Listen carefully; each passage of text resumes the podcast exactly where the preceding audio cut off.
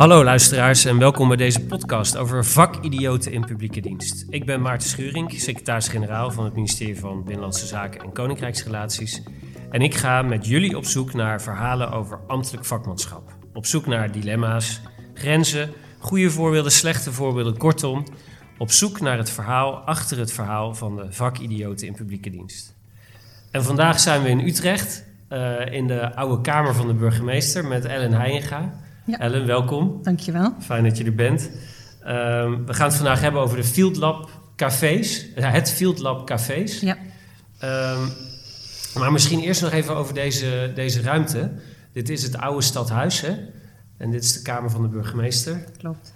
Ik ben er ook heel veel geweest toen ik hier gemeentesecretaris was. Ik denk dat we er ook samen moeten zijn geweest. Ja, dat zou best kunnen. Ja, in de tijd van uh, Aleid Wolfsen. Ja, precies. Die, die hield hier nog kantoor, hè? Klopt. En daarna ja. is Jan van Zanen naar het stadskantoor gegaan. En uh, de huidige burgemeester zit daar, Sherin zit daar natuurlijk ook uh, ja. op haar kantoor. Op de twintigste in het stadskantoor, ja. Maar wordt deze kamer nog wel steeds gebruikt, ook voor ontvangsten? Hij wordt vooral gebruikt uh, tijdens raads- of commissievergaderingen. Als er even een, uh, een, tussenoverleg is met de burgemeester. En in coronatijd hebben we hier ook met de waarnemend burgemeester Den Oudste van tijd tot tijd gezeten. Omdat, uh, ja, zoals je ziet, kunnen we hier coronaproef zitten met een behoorlijk aantal mensen. Ja, ja, ja, precies. We gaan het hebben over, de, over het Utrechtse Field Lab. Wat was dat, dat Utrechtse Field Lab? Kan je daar wat over vertellen? Het was een onderzoek naar hoe kan je op een veilige en verantwoorde manier uh, teruggaan naar de opening van de horeca. Um, het begon eigenlijk bij de kennismaking van onze burgemeester met de plaatselijke afdeling van Koninklijke Horeca Nederland. Um, daarin kwam voor burgemeester heel erg naar voren: jullie missen echt wat perspectief en wat lichtpuntjes. En uh, de dag daarna gaf ze mij de opdracht van: ga eens samen met die voorzitter, die vicevoorzitter en de regiomanager in gesprek. Neem daarin mee uh, de directeur van de GGD Regio Utrecht en ga eens kijken of jullie daar wat, uh, wat voor zien. En uh, vond ook het leuk, ik had die, die, die eerste vergadering waarin iedereen elkaar ook moest leren kennen voor anderhalf uur gepland. En binnen een uur waren we klaar en hadden we zoiets van, nou, we weten eigenlijk wel wat we willen. Dat heb ik teruggekoppeld naar de burgemeester en gezegd van, nou, ik, ik denk dat wij binnen twee weken wel een plan voor je kunnen opzetten. Maar laat maar eens weten, ga je er eerst oriënterend uh, naar kijken, wat wil je? En zij is heel kordaat en zei meteen: ga jij dat maar eens even uh, met je club op papier zetten en uh, laat het me maar zien. Met twee weken hadden wij een voorstel, een pilot, verantwoorde en veilige opening van de horeca. Waarom dachten jullie: wij gaan dit als Utrecht doen? En hoe heb je het voor elkaar gekregen? Ja, nou, ik niet. De burgemeester. nou, wij, wij, hadden echt het idee, en, en burgemeester vooraan natuurlijk, van uh, goh, ga iets verzinnen waardoor mensen gewoon enig lichtpuntje hebben, enig perspectief hebben. En dat is uh, met dat plan van ons, met drie restaurants, een, uh, een tijdelijke openstelling en onderzoek gaan doen. En dat heeft zij ingebracht in Den Haag, in uh, het politieke gedeelte van Den Haag. En uiteindelijk heeft ze dat kenbaar gemaakt uh, in onze tweewekelijkse coronabrief, waarin we de update geven van een aantal zaken. En het was niet zo dat wij dachten, nou wij kunnen dat beter dan een andere stad. Het is meer de zorg voor onze stad. Wij beheersen niet de ja. andere steden. En we gaan gewoon eens kijken of we die uh, mannen en vrouwen ondernemers, maar ook de bezoekers een, uh, een zetje kunnen geven. Ja, en hoe ging dat om dat voor elkaar te krijgen? Heb je daar iets van teruggehoord van de burgemeester? Jazeker, uh, maar niet alles voor hier. Maar uh, nee, de burgemeester heeft het ingebracht in Den Haag. Daar heeft ze wat gesprekken gevoerd. Dat werd op zich positief ontvangen. Wij wisten natuurlijk dat dit niet kan, uh, gezien de coronaregels. Dus ja. dat daar een toestemming voor zou moeten komen. En dat moet gewoon via het officiële circuit, ook voor ons. Uh, en zo is dat uiteindelijk ook gegaan. Maar het ging eigenlijk pas echt lopen op het moment dat de burgemeester of het college de brief naar buiten deed over de update corona-ontwikkelingen. Daar stond ook een alinea in over uh, onze field lab. Of tenminste, nee, het was niet een field lab. Het was een pilot op dat moment. En uh, dat werd natuurlijk opgepikt door alle media. En dat wisten wij natuurlijk ook wel dat dat kon gebeuren. Althans, dat hadden we verwacht.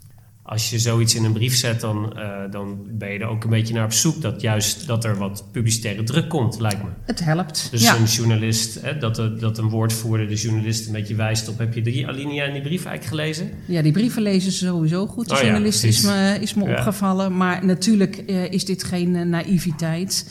Je zoekt wel iets op om, om een beetje druk te krijgen. In Den Haag strijden eigenlijk ook belangen om voorrang. Hè? Ik kan me voorstellen dat je met zo'n voorstel, dat je dan eerst bij economische zaken binnengaat.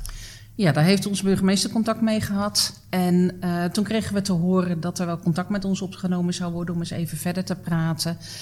Maar ook daar zijn ze druk, dus dat was er niet van gekomen. En dat kwam er natuurlijk heel snel toen wij uh, de landelijke media ingingen. Utrecht stond vol met alle pers, alle, alle uh, vormen van media hadden er aandacht voor. Toen werden we direct gebeld en lag het contact er. En daar krijg je je eerste schuurmomentje. Het was voor EZK natuurlijk ook niet prettig. Of tenminste, ik heb wel begrepen dat het niet een hele handige timing voor ze was. Want zij waren al heel lang bezig met een zorgvuldige voorbereiding van een Field Lab Café, zoals die later zou gaan heten. En daar kwamen wij ineens met een hoop publiciteit over restaurants. En al snel werd duidelijk vanuit Den Haag van joh, die restaurants, dat weten we wel hoe die uiteindelijk moeten gaan draaien. Maar wij zijn bezig met wat anders. En die maar, dat werd uiteindelijk een hele mooie samenwerking. Dan praat je wel over een paar weken verder. Waarin je aan elkaar gaat snuffelen, met elkaar gaat praten, elkaar leert kennen, elkaar leert waarderen. En ziet aan de ene kant staan daar die beleidsmakers in Den Haag die gewoon uh, hartstikke goed werken en, en heel. Uh, ja, uh, slim zijn, uh, de, uh, handig zijn en in een heel ander traject zitten dan ja. wij. En aan de andere kant wij met onze praktijkervaring over ondernemers en hoe werkt dat nou in een stad en met een café. Ja. Maar het is ook alweer ingewikkeld lijkt me, want jij, jij hebt in die, in die kamer gezeten met die steeds korter wordende vergaderingen. om dat plan te maken. En je hebt een mooi plan met cafés en restaurants. En dan moet je terug naar die kamer, naar die mensen om te vertellen van ja de restaurants, helaas, krijgen we niet voor elkaar. We moeten bij de cafés blijven. Ja, zo heb ik hem nooit gezien. Okay. Het ging bij ons alleen over de restaurants. En uh, het ging mij er vooral, of het ging ons er vooral om, om perspectief te gaan bieden. Om nou eens een keer iets te gaan laten bewegen. Want de tijd waar we over praten is uh, januari, februari, waarin er nog geen enkele nee, zicht was op opening van de, nee. van de horeca. Nee. Dus wij waren al heel erg blij om in gesprek te gaan. En we zijn dat voorzichtig snuffelend gaan doen door eerst de directeur publieke gezondheid en ik uh, samen in gesprek te gaan met economische zaken. En zo langzaam maar zeker kwam daar een mooie samenwerking. En dan hebben we de twee groepen samengevoegd. En uh, ja, toen is het pas echt gaan knallen. Ja, ja, Toen was het echt uh, 1 plus 1 is een heleboel. Ja, ja. Dus het vraagt wel, zeg maar, zo'n zo'n field lab voor elkaar krijgen, vraagt wel nou ja, heel veel contact met buiten. Hè, dus met de horeca en met uh, nou, alle belanghebbenden. Maar ook dan vervolgens best wel wat flexibiliteit. Hè? Van je moet je plan ook weer aanpassen, omdat je weer nieuwe, nieuwe mensen aan tafel krijgt die iets anders willen.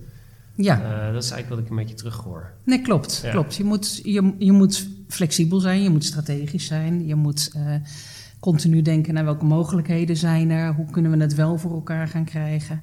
En uh, je moet er plezier in hebben. Ja. Je moet ook je tijd beschikbaar willen stellen en al je energie. En je hersencellen laten kraken van tijd tot tijd. Want dat is natuurlijk wel, het is coronatijd en we deden zaken die er nog niet waren. Dus ja. we konden wel een beetje kijken naar hoe waren Field Labs evenementen. Maar dat is een hele grote organisatie. En wij waren eigenlijk een relatief kleine club die in uiteindelijk binnen een maand tijd van eerste vergadering tot praktijk zijn gegaan. En uh, daar is verschrikkelijk veel voor gebeurd en moesten we ook verschrikkelijk veel voor bedenken. Ja, ja want vervolgens kwam natuurlijk, dan, toen werd het een field lab in, de, in de terminologie die, er bij het, die bij het Rijk wordt gehanteerd. Dus dan pas je in de methodiek die ze al hadden. Hè. Tenminste, zo stel ik me dat dan voor dat het zo gaat. Maar toen moest je waarschijnlijk ook nog weer gaan nadenken over... maar, maar wat, pas, wat wordt er dan allemaal bij? Onderzoek, uh, TNO ging dingen volgen. Ik kan me ook voorstellen dat, die, dat je dat van tevoren ook nog niet helemaal had doordacht... hoe die, hoe die pilot er op dat vlak zou uitzien. Nee, we hadden denk ik niks bedacht. We zijn uh, enorm gaan draaien. Van de week vroeg iemand aan mij van, heb je een evaluatie gedaan en voorop een evaluatievraag neergezet? Nou, daar hadden we echt geen tijd voor. En dat zie ik aan veel collega's om mij heen in coronatijd. Uh, het is allemaal vernieuwend, het is allemaal anders. En wij wilden een mooi product neerzetten. En het enige doel was, laten we proberen om een Field Lab cafés te gaan laten draaien. En hoe doe je dat? Door uh, een aantal slimme mensen bij elkaar te zetten die allemaal diezelfde energie hebben en diezelfde flow die wij ook in ons eerste groepje hadden. En dat was het leuke. Vond ik ook het hele leuke om te zien dat er zoveel fijne collega's zijn in het land die meedenken en ieder pakte zijn eigen onderwerp. Ja. We splitsten het op. Ik had het takje, het, of het onderwerp uh, toezicht en handhaving uh, bij me. Maar omdat ik de enige coördinerend ambtenaar was in Utrecht, zat ik ook in alle andere subgroepen. Maar er was een groep communicatie en er was een groep testen en er was een groep onderzoek. En uh, nou ja, groep is dan steeds één persoon en die keek dan in zijn eigen organisatie. Ja, en wij ja. keken weer mee. En wonderlijk genoeg uh, kan je dan in vier weken tijd een, uh, een complete, vind ik, best professionele organisatie opzetten. En ik ja. vind dat ze van heel veel gedacht hebben. Ja. Ja, het is uh, voor de luisteraars niet te zien, maar je ogen twinkelen als je erover vertelt. Ja. Erg, leuk, uh, erg leuk om te zien. Hey, en um, vervolgens, uh, ik, zat, ik was, zag natuurlijk zelf ook een beetje te kijken van, nou, welke cafés zouden er nou open gaan? Want ik heb ook wel een paar favoriete cafés hier in Utrecht. Um, hoe kom je tot je keuze? Want het mochten er maar vijf zijn uiteindelijk. Ja, leuke vraag. En uh, ook in het traject daar naartoe hebben we veel moeten doen om te zorgen dat we niet overstroomd werden door omgekeerde vragen. Dat was ons gebeurd met de brief uh, Veilige en Verantwoorde Opening uh, van de Horeca. Werden we dagelijks vele malen gebeld en gemaild door ondernemers van joh, ik meld me aan, ik vind dat leuk. En dat zet enorm veel druk op het ambtelijk apparaat. In dit geval hebben we daar vrij vroeg over gecommuniceerd en gezegd: uh, Nou, eigenlijk uh, niet dat we het zo deden, maar, maar uh, zoek ons niet op, wij zoeken u. We hebben door Koninklijke Nederland plaatselijk laten, een, een, lijst laten opmaken. Wat zijn de bedrijven die volgens jullie geschikt zijn onder de randvoorwaarden die er zijn? En randvoorwaarden waren met name vanuit het TNO-onderzoek. Ze wilden voor de helft kleine bedrijven, grote bedrijven. En uh, binnen die randvoorwaarden is een lijst naar mij toegegaan. En die ben ik met een, uh, een groep collega's gaan beoordelen op, uh, op handhaving. Zitten ze in de handhavingszaken, dan kan je niet meedoen. Is er iets anders oh, aan de hand? Hoe zit het met loopstroom? We hebben een paar prachtige cafés, maar op plekken waar het echt waar je het niet wenst om, om nog veel drukte erbij te krijgen. We moesten inschatten hoe druk gaat het worden. Er komt natuurlijk veel pers op af, maar er komen ook veel mensen die misschien gaan kijken. Of studenten die denken, kan ik nog van het ene naar het andere café gaan. En we zaten eigenlijk op dat moment in de periode dat ook de terrassen al open zouden zijn. Dat dachten we toen nog. Uh, dus we moesten er rekening mee houden. Wat gebeurt er nou als mensen buiten zitten en ook binnen zitten? Hoe oh, doen we dat ja, aan ja. onderzoek, maar hoe doen we dat ook aan loopstromen? Dus zo hebben we een selectie gemaakt van uh, een paar grote en een paar kleine bedrijven. Ja. En ook weer een beetje verspreid over de stad, maar wel binnen de ring. Dat het qua uh, heen en weer lopen van ons en van de TNO-collega's goed te doen was, maar dat mensen elkaar niet in de weg liepen. En geen gedoe over gehad? Nee, nou ja, voorbeeldig. Ik ben trots op de stad, schreef ik steeds naar de ja. burgemeester in mijn dagelijkse update. Ja, het is echt, de Field Lab is vlekkeloos verlopen. We hebben hartstikke veel werk aan de voorbereiding gehad. En ook echt wel eens momenten dat je je hersens moest kraken. Of dat je dacht van nou, en, en waarom nu dit? Maar de Field Lab zelf, eh, ik ben ook trots op de ondernemers hoe ze dat gedaan hebben. Ja, maar opvallend, want ik had dus eigenlijk gedacht dat al die kroegen wel mee zouden willen doen. En dat ze ook een beetje chagrijnig zijn dat dan die vijf uh, het mochten, zeg maar, mee mochten doen aan het Field Lab. Maar dat, dat, daar heb je weinig last van gehad. Ik heb er geen last van gehad. Uh, ik weet wel dat ondernemers onderling daar natuurlijk wat dingen ja. over gehoord hebben. Maar dat is ja, dan weer niet mijn vakgebied. Ja. Ik hoor het, maar qua werk heb ik er geen last van gehad. Ja. Nee. En vervolgens, nou, toen ging het Field Lab van start. Maar eerst nog de, de aanmelding. En ik las ergens dat er, dat er een half miljoen mensen wel wilden komen. Ja, klopt. Dat de site eruit lag dat er, en dat er uiteindelijk 3000 plekken waren. Klopt dat? Ja, het klopt. Uh, we hadden um, van tevoren heel goed nagedacht hoe, hoe moet je dat doen met een, uh, met een website. Daar hadden we ook uh, ondersteuning vanuit een professionele website. Maar dan nog waren er zoveel mensen die verschrikkelijk graag eens eventjes uh, met z'n tweetjes uh, lekker naar een cafeetje wilden en zich wilden laten verwennen met een hapje en een drankje, een borrelhapje en een drankje. Dat, uh, er was te veel belangstelling en daar is heel hard gewerkt, aan gewerkt door de collega's die, die met de website bezig waren. Maar nou, dat ja, had een volgende keer misschien nog een andere website moeten zijn. Ja. ja. Maar ja, misschien 500.000 belangstellenden is ook wel extreem veel. Ja, maar dat hoorde je ook bij de Field Lab over de, de reizen. Waren dat er niet 27.000? Ja, waren er ook heel ja veel. dat waren Ja. er heel veel. Ja. Dus ik denk dat je echt naar techniek moet gaan kijken. En we hadden veel verwacht. En ik hoorde allerlei verhalen over servers. En dan schakelen we de een uit en de ander niet. En, en, nou, er waren allerlei oplossingen, maar dit was toch wel boven verwachting. Ja. En eh, dat hebben ze weer gedoseerd toegelaten. En uiteindelijk zijn alle plekken bezet geraakt Ja. eh, op de een of andere manier. Ja. Hey, en, de, en op de dagen zelf, je zei net al iets, eh, ik ben trots op de stad. Is dat, eh, eh, hoe ging dat tijdens de, de openstelling? Was, waren daar nog spannende momenten of dilemma's die zich voordeden?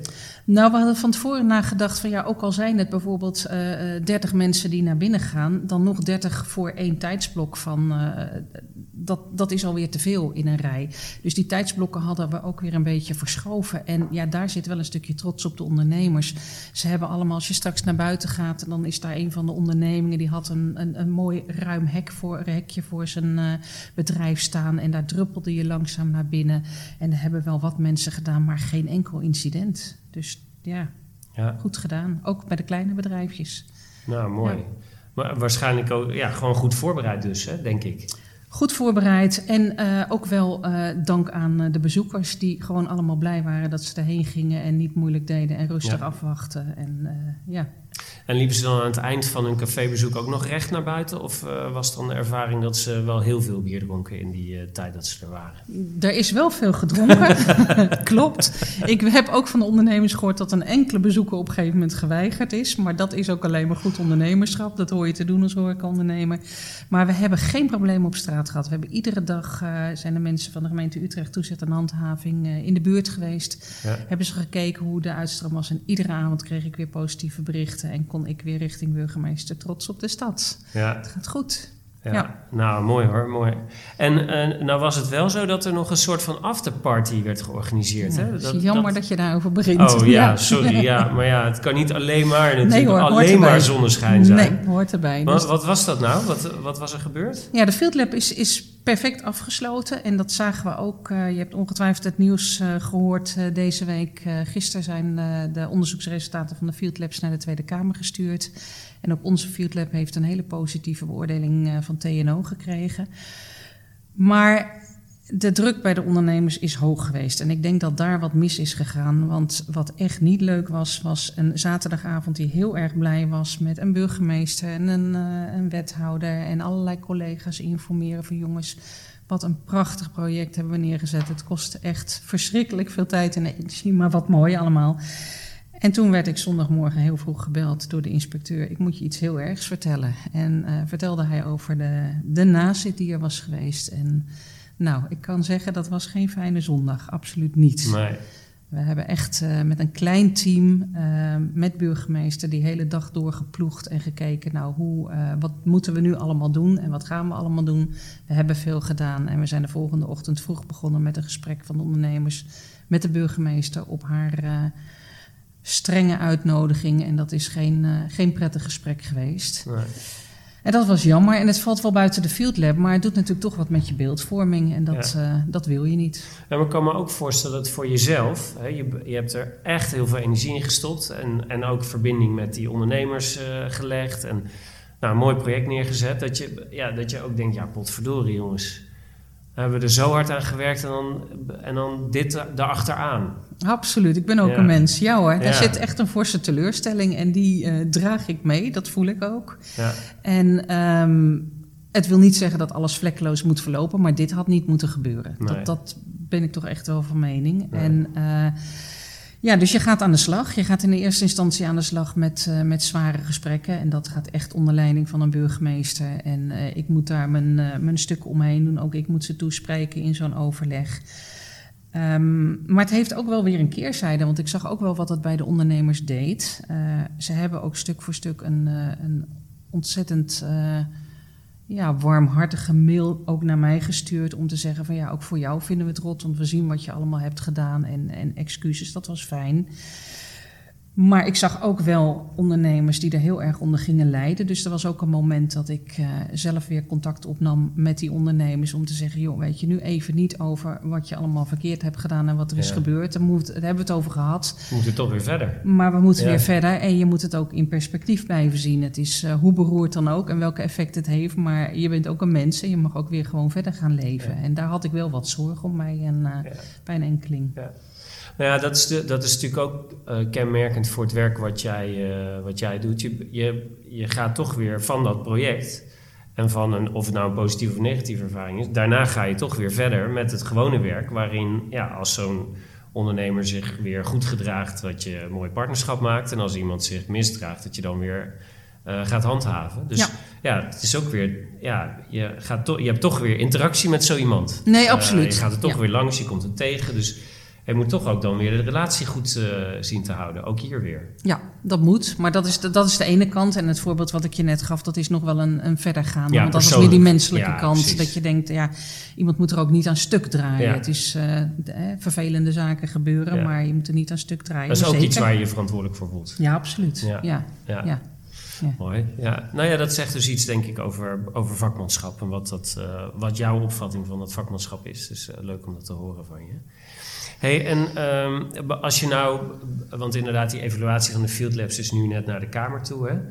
Uh, dus daar zaten, volgens mij kwam daar eigenlijk uit van, nou, is eigenlijk heel goed verlopen en het kan. Hè? Dus je kan coronaproof ook in een café uh, uh, zitten. Nou, binnenkort, vanavond is er weer een persconferentie. Hè? We zitten vandaag op de dag van die persconferentie. Dus uh, daar zullen de resultaten van het Field Lab uh, hier in Utrecht denk ik echt bij helpen.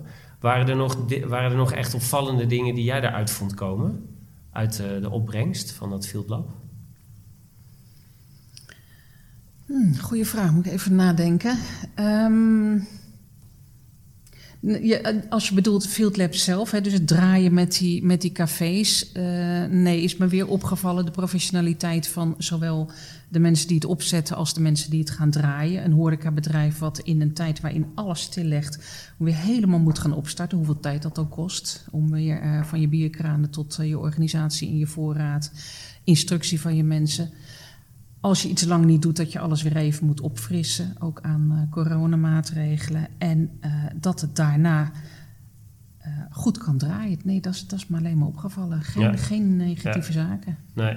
Nee, en, ik zag, en, uh, en ik zag inhoudelijk zag ik nog dat eigenlijk kunnen mensen dus prima op afstand in een café zitten. Alleen soms vergeten ze een mondkapje als ze naar de wc moeten. Ja, en dan zie je in een field lab wel dat ze elkaar daar allemaal op gaan aanspreken. Oh ja? Want iedereen wil het heel erg goed doen. Terwijl we van tevoren zeiden, er is geen goed of geen fout. Het maakt niet uit. Stel dat iedereen iedere keer over de tafel heen hangt en de anderhalve meter niet waarborgt. Dan is dat gewoon een constatering.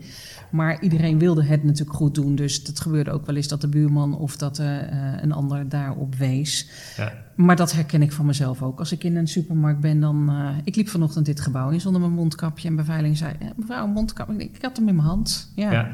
Dat ja. was weer niet vertrouwd, dit gebouw en mondkapje. Ja. Ja, ja, precies. En ben je zelf ook nog in die cafés geweest tijdens de, het Field Lab? Nee, heb ik bewust niet gedaan. Ik wist hoe graag mensen een plekje wilden hebben... en ik vond het niet netjes om een plekje te reserveren. Ik ben wel bij de opening geweest in een van de cafés... met de staatssecretaris en de burgemeester. Maar niet in de... Nee, ik heb niet meegedraaid. Ja, duidelijk. Oké, hey, en um, uh, als je nou op terugkijkt, hè, op dat hele project... En uh, uh, je was daar projectleider van, uh, van het totaal. Um, zou je het nog een keer doen? Nou, morgen weer. Vandaag. Ja, ja meteen. Ja. Projectleider alleen voor Utrecht, hè? Want ja. algemene leiding nee, is al bij economische tuurlijk. zaken. Ja. En, maar voor Utrecht heb ik het inderdaad geleid en, en, en, en wat dingen aangestuurd. En waarom zou je het, waarom zou je het vandaag weer doen? Om ja, het geeft een enorme energie om zo'n afgebakend project. Ik wist ook dat het natuurlijk maximaal vijf, zes weken zou duren. Dus je kunt ook prima 16 uur per dag, uh, zes dagen in de week werken, dan, want je weet dat het stopt. Nee, het, het, het leuke vond ik om zo breed te kijken in zo'n project en iets bij te dragen aan de maatschappij iets te doen waar mensen blij van worden, ondernemers, maar ook bezoekers. De vrolijkheid in de stad te zien en echt aan alles te moeten denken. Alle kleine dingen, alle grote dingen. En te mogen meebewegen. Op een gegeven moment een hapering te zien en te denken: ja, nou, en hoe dan wel? Wat, wat kunnen we hier nu aan doen? Ja. Kunnen we dit gaan oplossen? En ook de strategische zaken te zien. Het stukje van Den Haag weer te zien. Want dat zie je natuurlijk niet aan het eindproduct, maar die wegen zijn er tussendoor ook geweest. Ja. Dus denk ik de, de complete bevoegdheid te hebben. En ja, dat eh, vanuit mijn functie voor, voor die burgemeester weer. Ja, vond ik erg leuk. Ja, mooi hoor. Hey, en nou, ehm, eh, aan het eind van, ehm, van deze podcast vraag ik altijd aan degene die we interviewen om een, ehm, laten we zeggen, een wijsheid of een gezegde of een lijfspreuk of een advies aan collega's om dat mee te geven. En hij moet op een tegeltje passen. Ik heb wel een straatje nodig. Ehm, ja, wat ik denk dus ik heel moet één belangrijk zin zijn vind. die op een tegeltje kan. Denk ik zoek naar mogelijkheden. Mooi. Zoek naar mogelijkheden. Ja. Er zijn er altijd meer dan je denkt. Ja, en, en weet je, de andere kant is kijk ook naar de mens die achter een verhaal zit. Of de vraag eh, die achter eh, het verhaal dat achter een vraag zit. Maar zoek naar mogelijkheden geeft dat ook eh, weer. Ja. Nou, mooi. Zoek naar mogelijkheden. Ellen, dankjewel voor dit eh, gesprek. Ehm, en tot ziens. Dankjewel. Dag. Dag.